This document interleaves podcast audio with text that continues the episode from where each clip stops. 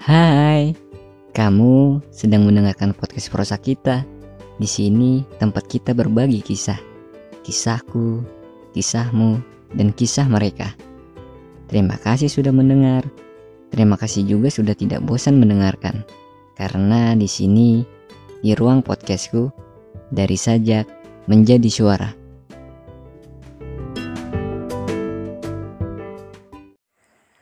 Hai teman-teman pendengar podcast prosa kita. Kenalin, namaku Malah. Salam kenal ya semuanya. Kali ini aku yang bakal ngisi podcast di prosa kita. By the way, sebagai seorang introvert, kamu pernah gak sih ditanya, jadi introvert tuh enak atau enggak sih? Terus kamu jawabnya apa? Kalau aku sih biasanya jawab gini. Jadi introvert tuh sama aja kok kayak kamu jadi ekstrovert. Kadang ada enaknya, kadang juga nggak enak. Enaknya itu kita bisa lebih fokus sama diri sendiri, ngelakuin hal-hal yang kita suka. Kalau nggak enaknya, cepet banget habis energinya kalau lagi sama orang banyak. Mungkin hal ini juga sih yang bikin mereka kelihatan jarang interaksi sama orang lain. Sampai-sampai kebanyakan orang bilang kalau introvert itu adalah orang yang antisosial. Hmm, bener gak sih menurut kalian? Padahal ya, arti antisosial dan introvert itu sendiri kan beda loh. Introvert itu masih bisa kok buat interaksi sama orang-orang. Cuman ya itu, baterai sosialnya cepet habis aja. Mereka perlu ngecharge alias me time kalau bahasa anak zaman sekarang.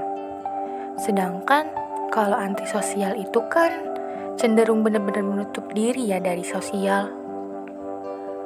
Padahal ya, biasanya orang introvert itu kalau udah nyaman sama orang lain, mereka malah jadi orang yang cerewet banget tahu. Iya gak sih? kamu juga gitu gak sih? Atau mungkin kamu punya temen yang kayak gini? Meskipun kelihatannya kayak kulkas 12 pintu, kelihatan sombong dan gak asik, tapi mereka itu bisa jadi pendengar yang baik loh. Apalagi ya, kalau introvert udah nyaman banget sama kamu, pasti mereka tuh bisa cerita hal-hal yang random ke kamu. Bahkan sampai rahasianya pun dia ceritain ke kamu.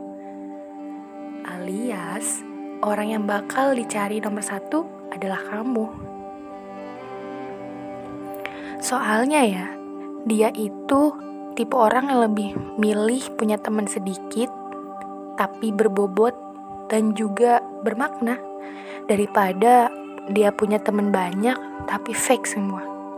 Iya gak sih? Kalau soal percintaan, introvert juga sama kok kayak manusia lainnya. Dan pastinya mereka juga pernah ngerasain suka sama orang lain. Wajar lah, namanya juga manusia, punya perasaan. Cuman, mereka cenderung gak suka caper aja sih. Kalau bahasa zaman sekarangnya, mungkin mencintai dalam diam. kamu pernah gak mencintai dalam diam? Mungkin kamu bakal bingung sih kalau lagi sama dia. Soalnya sama dia tuh banyak banget teka-tekinya. Dan dia tuh selalu bikin penasaran orang. Karena kelihatan dinginnya itu. Yang jarang ngobrol dan lain-lain. Yang jelas, dia tuh paling gak suka ikut-ikut kebanyakan orang. Pokoknya, dia tuh punya cara sendiri deh buat nunjukin kalau dia suka sama orang. Orang introvert juga, kebanyakan mereka selalu jujur dan jaga komitmen. Mereka tuh gak gampang berpaling kalau udah nemuin orang yang nyaman menurutnya. Tapi ini sih yang jadi kelemahan orang introvert.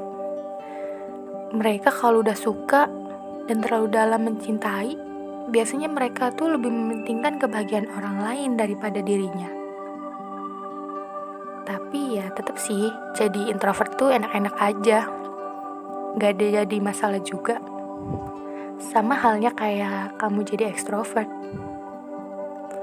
Kita nih sama-sama manusia, Cuman soal keragaman dan kegemaran juga prinsip hidup kita punya hal yang berbeda.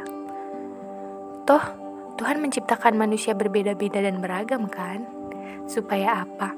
Supaya kita bisa saling mengenal, memahami, dan juga menerima perbedaan menjadi suatu kekuatan.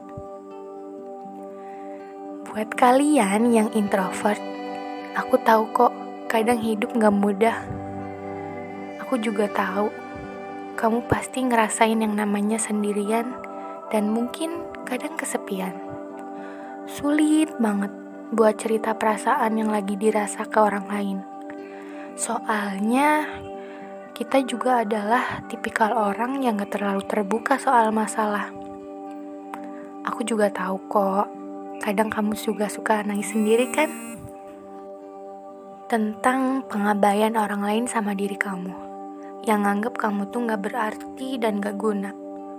Aku juga tahu kok kalau sangat-sangat menginginkan semangat dari orang lain, tapi kita gak bisa dapatkan itu karena mungkin kita terlalu menyendiri. Gak apa-apa kok, kadang kita hanya perlu sabar aja buat nunggu kedatangan orang yang benar-benar ada untuk kita dan tentunya juga peduli sama kita. Gak apa-apa ya, sekarang kamu berjuang sendiri. Tapi yang pasti aku dukung kamu kok dari sini. Ya meskipun aku gak kenal sih sama kamu.